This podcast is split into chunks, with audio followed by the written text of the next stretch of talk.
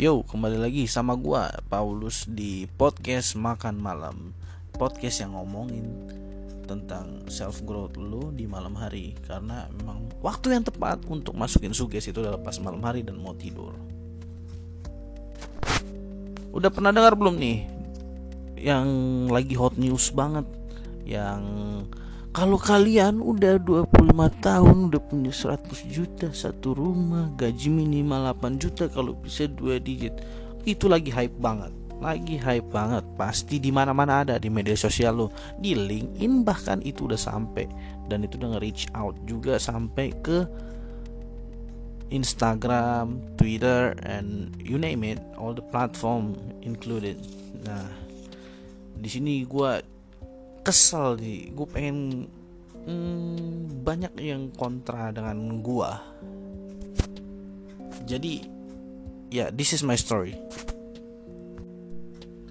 It's really fine. Ya kalau memang lu punya 100 juta satu rumah 8 juta gila itu keren buat lu. Gue respect. But everyone has their own standard right?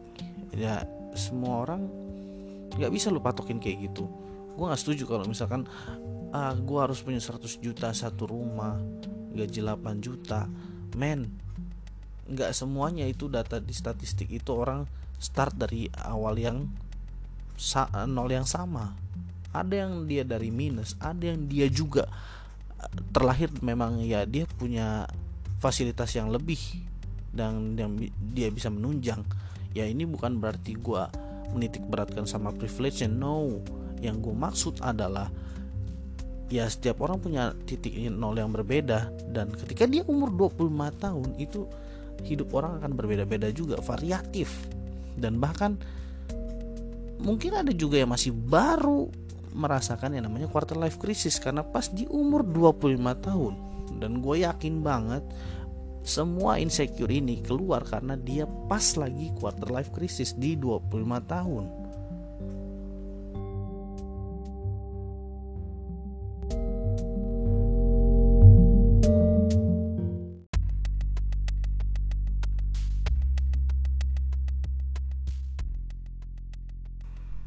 please lah. Ya mungkin rezeki lu ya lebih oke okay, dan man everyone has their own struggle.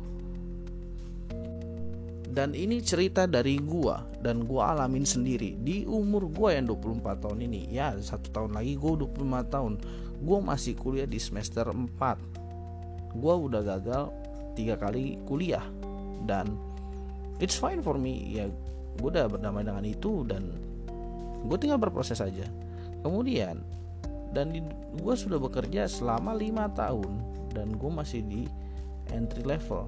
And that's fine. Ya nggak ada yang salah dengan itu. Justru malah gue bersyukur gue bekerja lebih awal. Mindset gue jadi terbentuk bagaimana gue harus meniti karir. Nah dari situ gue mulai sadar bahwa kuliah itu penting. Makanya gue walaupun gagal tetap gue keep trying on. Yang jadi pusing adalah orang tuh suka ngatur-ngatur. Kenapa lu harus ya ngebandingin orang lain ya sama orang sama diri lu sendiri? Lebih baik lu bandingin diri lu sendiri yang sekarang sama diri lu yang dulu. Apakah lu udah ada growth atau lu ada ada skill yang lu develop uh, atau lu juga udah mulai belajar investasi dana darurat. Ya sebenarnya apalagi financial planning itu lagi penting banget. Dan justru malah ketika gua umur segini gua aja udah bersyukur punya mindset yang seperti ini. Mindset yang gua perlu banget yang namanya pendidikan gua perlu banget yang namanya growth. Jadi gua tetap mengasah skill-skill yang baru apalagi sekarang udah menuju ke digital. Dan gue mau encourage teman-teman yang sekarang lagi cari kerja itu lagi susah ada juga yang baru lulus dan ya belum ada pengalaman sama sekali dan masih ada juga yang kuliah daring. So, kayak gue juga ya beruntungnya ya masih dapat gratis kuota ya dari pemerintah. Dan ya ada juga yang masih baru bisa nongkrong lagi di saat-saat kayak begini ya gue mau encourage sih bahwa tenang semua ini cuman sementara. Semua ada waktunya kok. Apa pun yang lo harapin itu pasti kecapai. Gimana tapi lu tetap konsisten dengan apa yang lu kerjain. Contoh contoh. Untuk sekarang mungkin memang perusahaan banyak belum belum buka ya. Tapi tetap trying trying on aja. Dan lu asah juga skill skill lu kemudian yang baru lulus yo perbanyakin networking lu intern lu perbagus LinkedIn lu. Dan yang buat yang kuliah daring kayak gua ya tetap semangat aja. Gimana lu tetap bisa juggling kerja sambil kuliah? Karena gue juga kelas karyawan ya guys. Jadi ketika nanti lu semuanya udah minimal nyentuh di umur 25 tahun sebagian besar akan merasakan yang namanya quarter life crisis. Tenang aja itu bukan apa-apa itu cuman kita bisa berpikir lebih sadar juga. Dan kalau misalnya udah ada yang ngerasain duluan kayak gua ya bagus jadi lu makin kebentuk kerangka berpikir lu yang penting banget pengen gue saranin adalah ketika lu di 25 tahun lu tahu tentang self awareness lu tahu tentang diri lu lu tahu mau apa lu tahu lu lebihnya apa. Karena banyak orang yang udah sampai lebih dari 25 tahun. Ini dalam artian ya udah nggak wajar sih menurut gua. Disclaimer on ya. Karena ketika di 25 tahun minimal lu udah tahu lah lu mau arahnya ke mana. Itu udah jadi fondasi sih. Itu udah jadi ya lu harus segitu kalau nggak umur kan bertambah terus. Kalau lu nggak mulai asas skill lu atau apa pun itu nanti waktunya makin berkurang. Andai gue bisa sadar lebih awal mungkin gue udah latihan lebih awal dari umur gue 15 tahun. Ya latihan aja atlet-atlet itu kan memang dari kecil. Nah makin lu lebih lama terampil makin lebih makin bagus.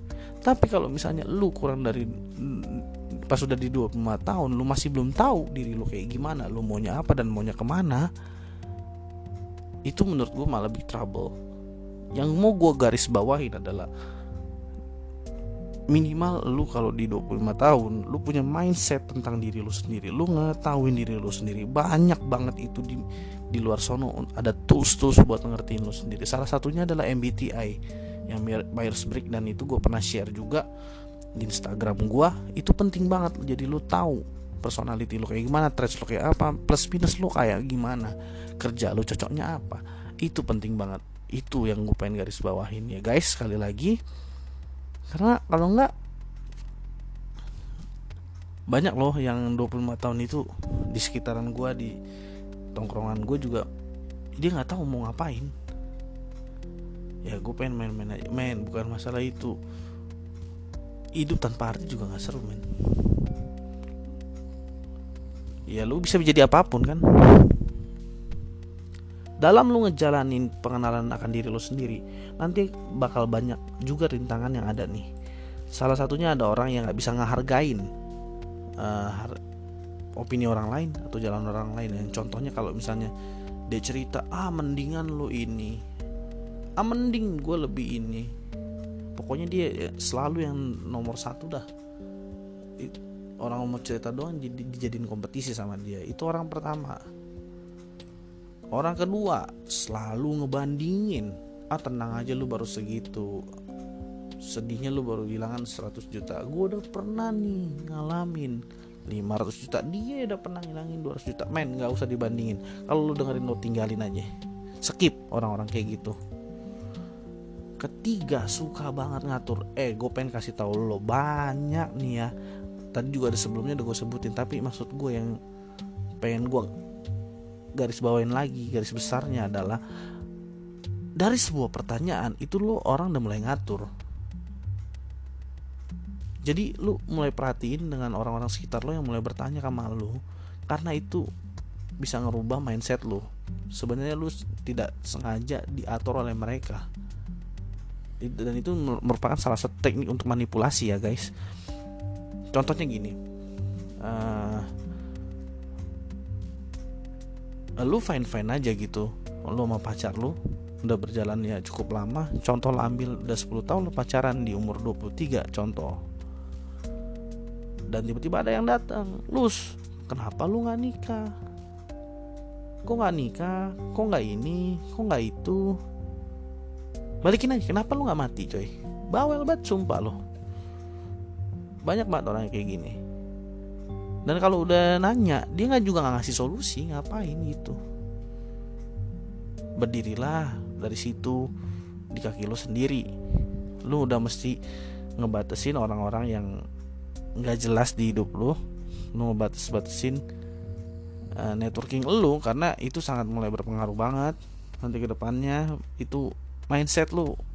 Mesti di bro. Mesti di dan mesti disiram mesti dikembangin lagi ada skill-skill yang lain. Dan di ending gue sebelum nutup gue pengen uh, ada beberapa yang pengen gue kasih reminder lagi.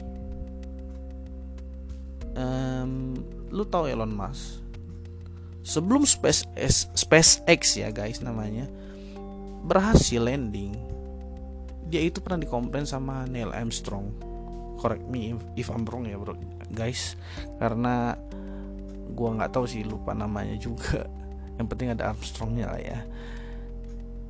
Elon itu udah tentang karena banyak banget trial and errornya. Dan dia tetap keep on going chasing their apa chasing his dream coy. Keep on going chasing chasing his dream.